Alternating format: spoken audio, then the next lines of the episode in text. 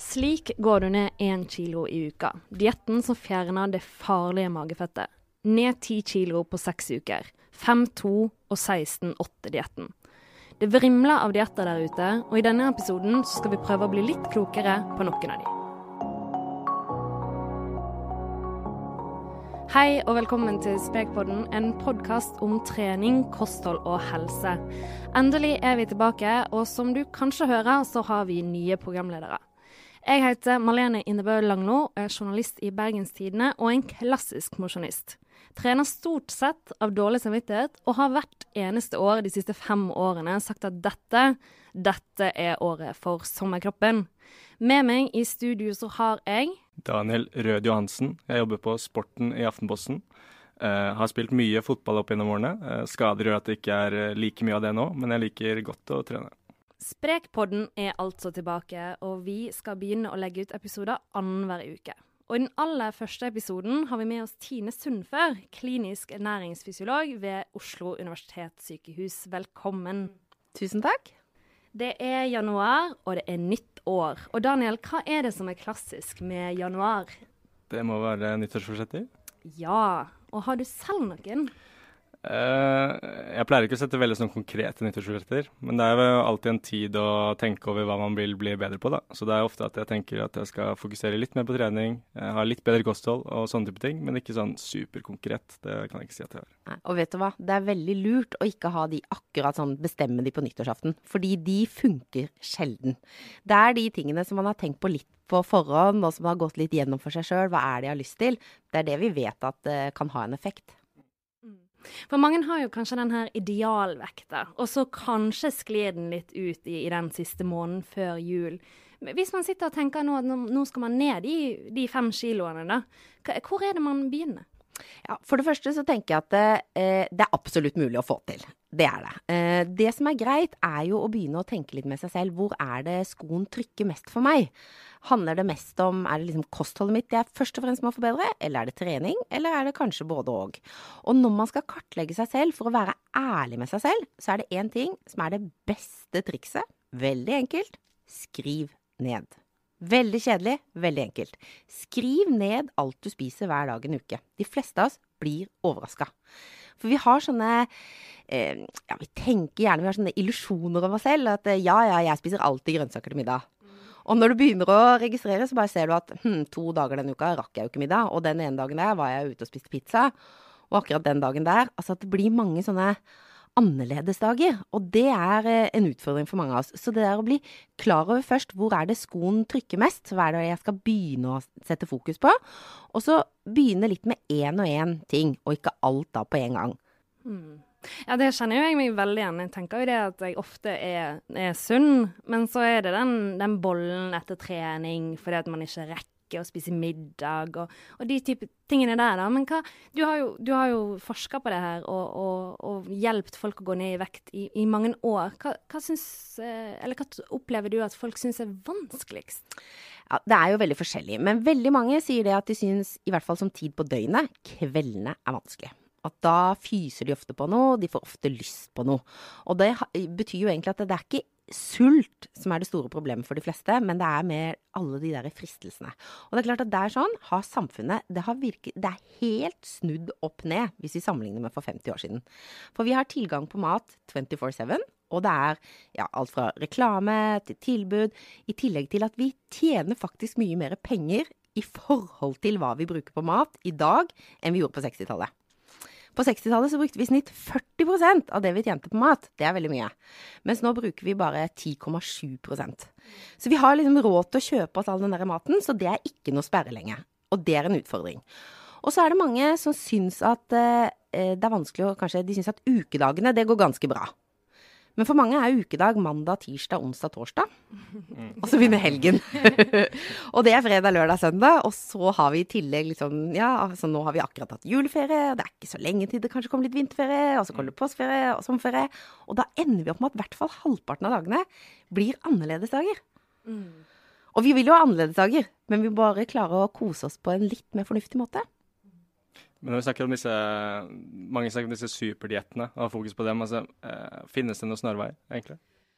Det gjør jo ikke det, da. Eller jeg skulle ønske jeg kunne si ja. Hvis jeg hadde sånn tryllestav, så hadde jeg blitt kjemperik. Ja, vi hadde blitt et så populært det hadde vært skikkelig bra hvis jeg nå hadde det. Men uh, altså, det fins jo på en måte så uh, fins det ikke Det er ikke én diett heller som er løsningen på alt. Men det er faktum at noen type dietter eller noen type endringer er mye lettere for andre, for noen, enn de er for andre.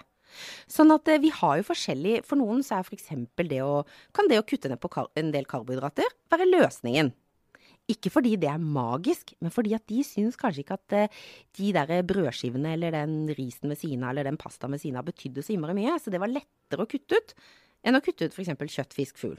Mens andre føler stikk motsatt. De elsker eh, ferskt grovbrød og sier at det kan jeg aldri i livet tenke meg å ta bort fra kostholdet mitt. Så det er, det er derfor så må man Det fins ulike typer dietter der vi kan se på forskning hva er det som fungerer og ikke. Og så må individet gå i seg selv og tenke hva er det jeg kan klare over tid? Mm.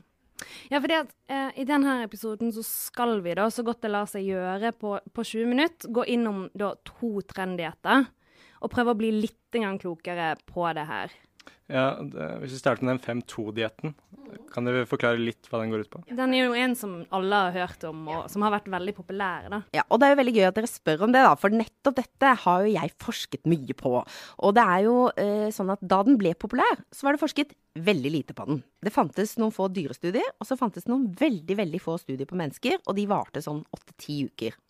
Og det å gå ned i vekt, for det kan man si også som en hovedting. Det er veldig mange som klarer å gå ned i vekt, men det er veldig få som klarer å bli der. Sånn at eh, det å kanskje klare å holde ut liksom, det å gjøre noen endringer i kort tid, det kan mange klare. Men kort fortalt så er 5-2 det går ut på at istedenfor å tenke like bevisst alle syv dagene i uka, så har man to dager i uka som man reduserer kaloriinntaket veldig. Og så kan man gjøre som normalt, faktisk, de andre fem dagene. Fordi at ved de to dagene i uka så spiser man så lite som et sted mellom 400 og 600 kalorier. Litt forskjellig hva som står i de ulike populærvitenskapelige bøkene. Men det betyr uansett at du sparer kanskje nesten 2000 kalorier hver av de dagene i forhold til hva behovet ditt er. Og hvis du da fortsetter å spise det samme de andre dagene i uka som du pleier å spise, så vil du faktisk gå ned en halvkilo i uka bare ved å være bevisst to dager i uka. Men de to dagene går man ikke fryktelig sulten?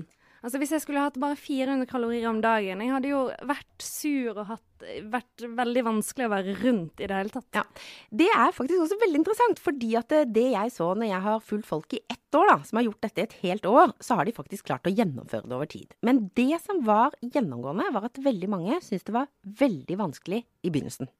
De første to, tre, opptil fire ukene så fikk de vondt i hodet, de følte seg svimle, uvelle, noen hadde til og med søvnforstyrrelser, noen frøys innmari.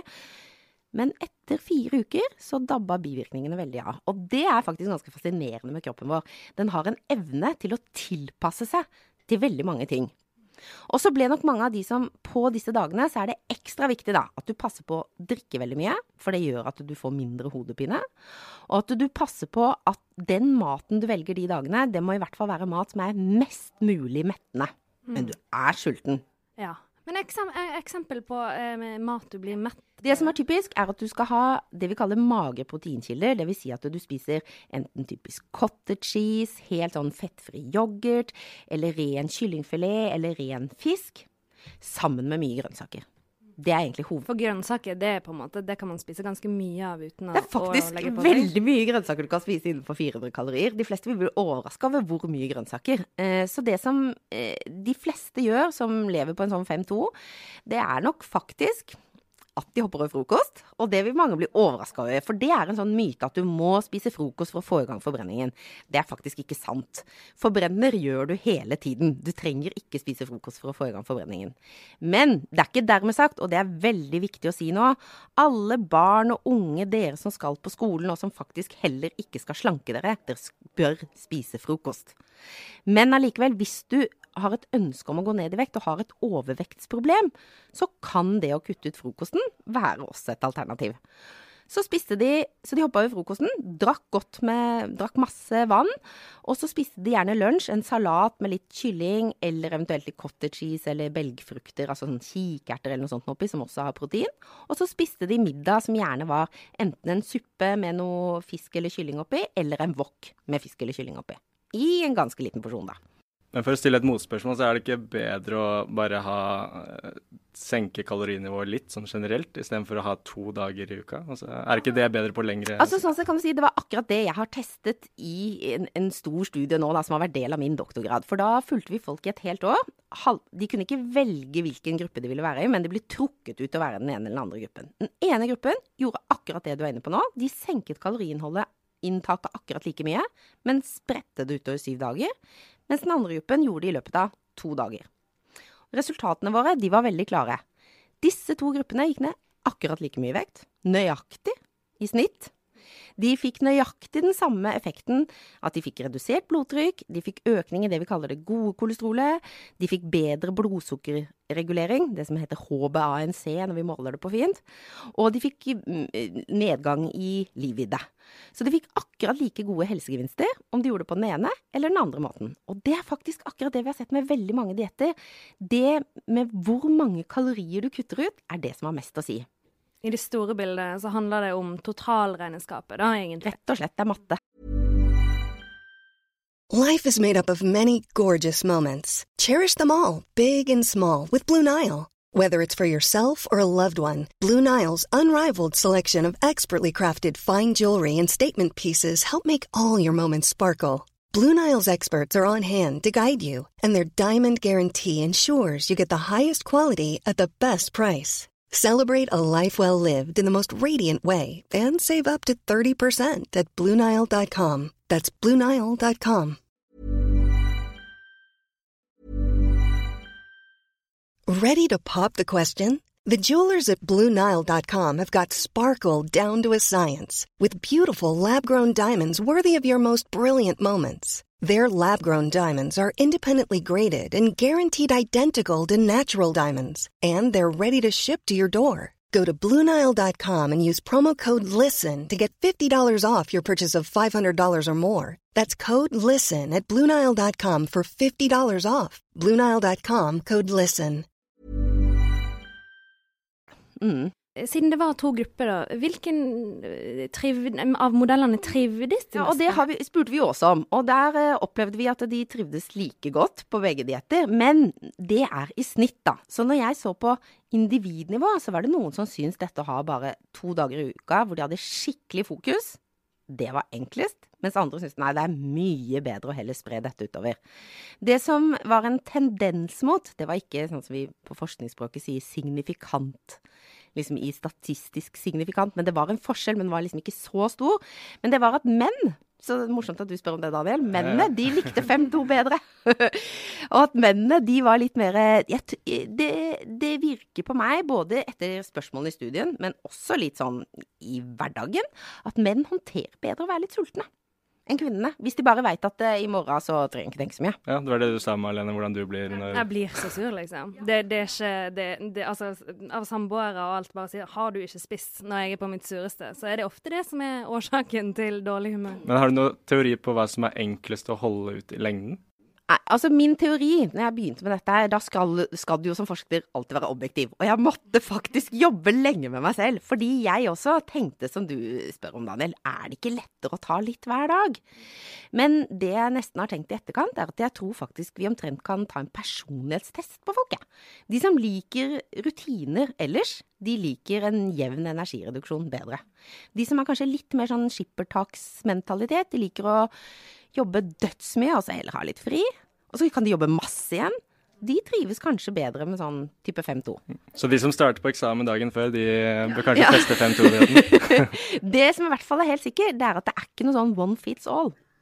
Sånn at Én eh, ting er at jeg kan i, i, forskningen si at det, når jeg ser på stat, statistikken og ser på disse to gruppene på snittnivå, så funker det. Begge deler funker. Men faktisk, hvis jeg skal være helt ærlig, så tror jeg at for de aller fleste så er det en kombo som funker. For igjen, totalregnskapet, sant? Ja. Så jeg tror at for mange så er det kanskje lettest å ha et sånt jevnt fokus. Men så hvis du vet da at den helgen her, da blir det skikkelig mye utskeielser, så kan du jo være litt sånn veldig bevisst akkurat på torsdagen og så mandagen etter.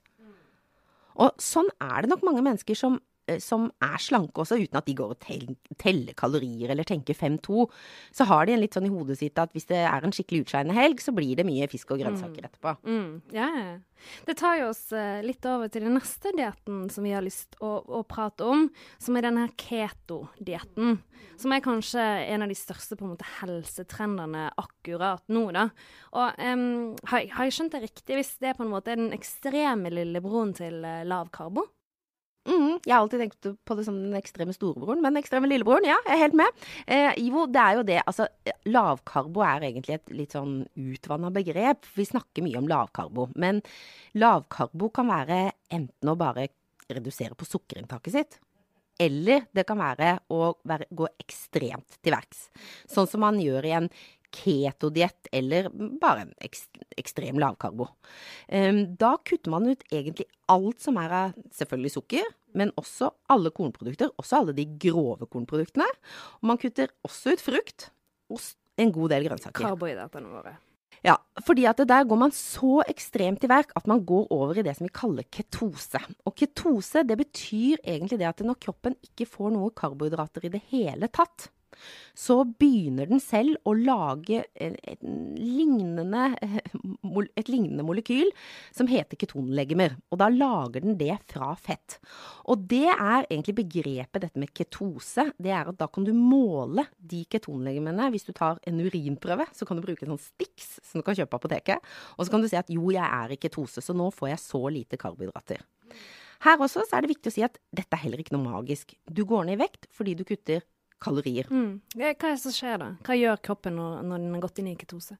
Ja, altså det som da skjer, er jo at den bruker, som sagt, fett og lager ketonlegemer av det. Hvis du allikevel fortsatt hadde spist så enorme mengder fett at du får nok kalorier, så ville du ikke gå ned i vekt. Men poenget er at du får i deg litt færre kalorier enn det du trenger. Og i tillegg får du ikke disse karbohydratene, og derfor vil kroppen bryte ned på det lagra fettet og gjøre om det til ketonlegemer. Sånn at, fordi nerveceller og røde, blod, eh, røde blodceller de kan egentlig ikke bruke fett som energikilde. Så de må få et eller annet annet. Og de er vant til å bruke glukose, eller altså sukker, men de kan også bruke ketonlegeme. Men det går ganske raskt ned med den dietten. eh, Eller innebærer det at den er mer effektiv? Ja, altså, det som er, er at det, i det lange løp da, så handler det jo om hva er det du klarer å få til. For du kan gå veldig raskt ned. Du kan gå på pulverkur, du kan gå veldig raskt ned. Du kan drikke bare sånne shaker i tre uker, og du kan rase ned i vekt. Og det er faktisk ikke nødvendigvis så negativt eh, å gå litt raskt ned. Men hvis du da går tilbake til det samme kostholdet som du hadde før, så går du også tilbake til den samme vekta som du hadde før. Det er litt som å tro at du kan klippe håret en gang, og så blir det der. Altså, det skjer ikke. Sånn at eh, du er nødt til, du er nødt til også å gjøre noen varige endringer. Og det er kanskje det som er problemet vårt litt med diett på engelsk betyr egentlig kosthold. Men når vi oversetter det til norsk, så betyr plutselig diett noe som man gjerne skal holde på med bare en kort periode. Jeg tror mange forbinder det med sånn én kur jeg skal gjøre i den tidsperioden, og så skal alt være bra etter det. Det tror jeg også. Men hva, Og er, hva kan man tenke da for å komme over den uh, kneika når dietten er ferdig, og du skal over på et normalt kosthold igjen? Ja, for det, det, det er akkurat det der som de aller fleste sliter med. Det er det at du må godta for deg sjøl, faktisk. At du må gjøre noen ting som skal være varig. Så hvis du kutter ned Du kan kanskje være veldig ekstrem og kutte ned all ris og all pasta, all potet en periode. Men så kan du si at det, når du har kommet dit, så skal du spise litt ris og potet og pasta, men du vil bruke i hvert fall halve tallerkenen din til grønnsaker. Sånn at du spiser mye mindre ris og pasta og potet enn du har gjort før. Eller du må innse at det som veldig mange er flinke til når de er på en ekstrem lavkarbo, det er at de skjønner at å ja, jeg kan ikke drikke brus, jeg kan ikke spise godteri, jeg kan ikke spise hveteboller. Det alene, ikke sant. Du går jo ned i vekt av det alene. Så sånn sett så trenger du ikke gå ekstremt til verks. Hvis hvis alle kutter ut all sikt av hvetemel og alt sukker, så har man kommet veldig langt. Og da kan du beholde de sunne fruktene og sunne grønnsakene og, og de sunne, grove kornproduktene. Men du må kanskje innse da at det, det her må jeg spise litt sjeldnere og i litt mindre mengde. Tror du mange tenker at uh, hvis de skal De har et mål om hvordan de vil se ut f.eks. om et år, og så tenker de for å komme dit må jeg være veldig ekstrem. Istedenfor å ta veldig gradvise små endringer over tid. At de tenker jeg må gjøre veldig mye på kort tid, eh, og at det er en utfordring. Ja, veldig mye. Og det er jo også det som kanskje er veldig sånn klassisk med nyttårsforsettene, da, som vi begynte med. Det er det at man bestemmer seg liksom Nå skal jeg trene fem dager i uka, jeg skal aldri spise sjokolade mer. og det holder i tre uker, og så har du plutselig tatt en bit med sjokolade, og så har du ikke klart å fem, nei, trene fem dager i uka, og så sier du ah, der røyk det igjen. Forventet vente til neste nyttår. Omtrent, eller i hvert fall nå til over påske, tror jeg. liksom. Og sånn sett så er det kanskje mye bedre hvis du hadde bestemt deg for at eh, nå skal jeg trene tre dager i uka, som er lettere å gjennomføre over tid, og så skal jeg prøve å spise sjokolade bare én gang i uka, istedenfor å si at jeg skal aldri spise sjokolade. Fordi det hadde aldri jeg holdt ut, i hvert fall. De fleste av oss holder jo ikke det ut. Vi har jo lyst til å kunne kose oss litt også. Så, så det der å sette litt mer, sånn som du sier, litt mer gradvise mål, det er viktig.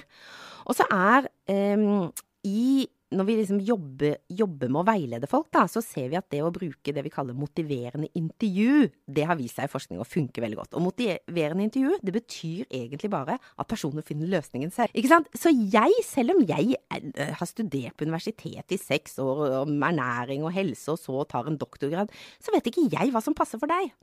Jeg kan gi noen råd ut ifra det som er av forskning, og jeg kan gi noen gode innspill på oppskrifter og sånn kan du gjøre det og sånn, men det er du sjøl som må kjenne etter på en måte passer det best for meg å være veldig ekstrem og kutte ned mye av maten på mandag og torsdag f.eks., eller passer det bedre for meg å kjøre et jevnere løp? Eller er det en kombo? Er det sånn at det er lettest for meg å kutte en del karbohydrater, eller er det ikke? Men så må vi tenke helse òg, da. Sånn at eh, det som i hvert fall er gunstigst for helsa vår, det er jo selvfølgelig å kutte ned på det som vi Det er å kutte ned på sukker. Det er, eh, for det har en helseeffekt. Og én ting er at du går ned i vekt hvis du klarer å redusere på sukkerinntaket, men en annen ting er at det også har en effekt i forhold til å være beskyttende for disse livsstilssykdommene våre. Og så er det også gunstig å kutte ned på det vi kaller metta fett, altså det vil si fett som du finner i sånn pølser og bacon og kremfløte, mm. ikke sant? Mens vi vil gjerne at man skal beholde litt av det sunne fettet som du finner i olivenolje og, og nøtter. Og så bør det være frukt og grønnsaker. Så jeg kan ikke anbefale noen å gå på en ekstrem lavkarbo over tid. Der de også kutter ned på, på frukt og grønnsaker, for det vil ikke være gunstig for helsa. Helt, helt, til slutt. De som står nå og, eh, med startstreken, og så skal ta sats og gjøre en livsstilsendring, um, hva, hva, er det absolutt første de må bestemme seg for? Ja, Det aller første det er å gjøre en kartlegging av seg sjøl. Hva er det som jeg skal prøve å endre på? Så må man sette seg et mål som er realistisk, og glem jeg skal gå ned 30 kilo sånn og sånn. Fordi at det som er realistisk for de aller fleste, det er å gå ned ca. 10% av kroppsvekta si. Det betyr at hvis du veier 100 kilo, så går du ned 10 kilo. Og så tenker kanskje noen ja, men hallo, det er ikke nok, jeg må i hvert fall ned i 80 eller 75 eller hva søren man tenker. Men det som er viktig å vite, er at hvis du går ned 10% av vekta di, så reduserer du det vi kaller viseralt fett, altså det fettet som ligger rundt magen med ca. 30% og du får en skikkelig skikkelig god effekt på å minske risikoen din for diabetes type 2, hjerte-karsykdom og flere kreftformer. Så vær fornøyd, selv om du kanskje ikke kommer det som du tenker at var drømmemålet ditt. Og så, når du setter i gang, så må du sette deg delmål utover. Og så er kanskje mitt aller beste råd er at folk må bli mye flinkere til å skryte av seg selv enn å leke den derre finn fem feil-øvelsen. Fordi vi har en tendens til, når vi jobber med å, å leve sunnere, da, trene mer, spise mindre, så henger vi oss så innmari opp i det vi ikke får til. Mm, den treningen man mister på fredagen. Og, ikke sant. Mm. Og hva, hva, skjer da? Jo, det er viktig å være ærlig med seg selv, det er ikke det. Men det er så innmari lett at all motivasjon det bare renner ut. Hvis du istedenfor klarer å se hm, jeg klarer faktisk det. Jeg klarer det. Får faktisk til å gjøre det sånn nå, jeg. Ja. Da blir, får vi litt mer sånn nytt pågangsmot, da. Og lyst til å få det til enda en uke. Så folk må bli mye flinkere til å skryte av seg sjøl. Det gjelder jevnt over i forhold til veldig mange ting. Og bare for å skyte inn der, så er jo sosiale medier er en utfordring der, da. Med konstant sammenligninger. Ekstremt, ikke sant. Og alle legger jo nesten bare ut de der veldig happy moments. Det er ikke så veldig mange som eh, legger ut sånne kjipe ting. Sånn ja, vi fikk lus forrige uke. Det er ikke så ofte du ser det på Facebook, liksom. Du ser veldig mye mer av de dagene som man har klart å få til den der eh, treningsøkta. Og så er vi på en måte så lettlurt når vi er litt sånn negative overfor oss selv, at vi tror dette her glansbildet her stemmer for veldig mange. Men det skal sies det også, da, at det å bruke eh, I hvert fall ha en sånn endringskompis, det kan være veldig lurt. Da tenker jeg ikke egentlig å legge det ut og blottlegge dette for hele verden. Men det å være uh, to stykker som gjør noe sammen, som piffer hverandre litt opp, og som samtidig stiller krav, det kan være lurt. Du, Jeg håper at uh, alle som uh, hører på oss, nå ble litt ekstra motivert til å nå målene sine, om det så er nyttårsforsett eller kortere delmål. Og så sier jeg tusen takk til deg, Tine. Veldig kjekt å ha deg på besøk. Takk for meg.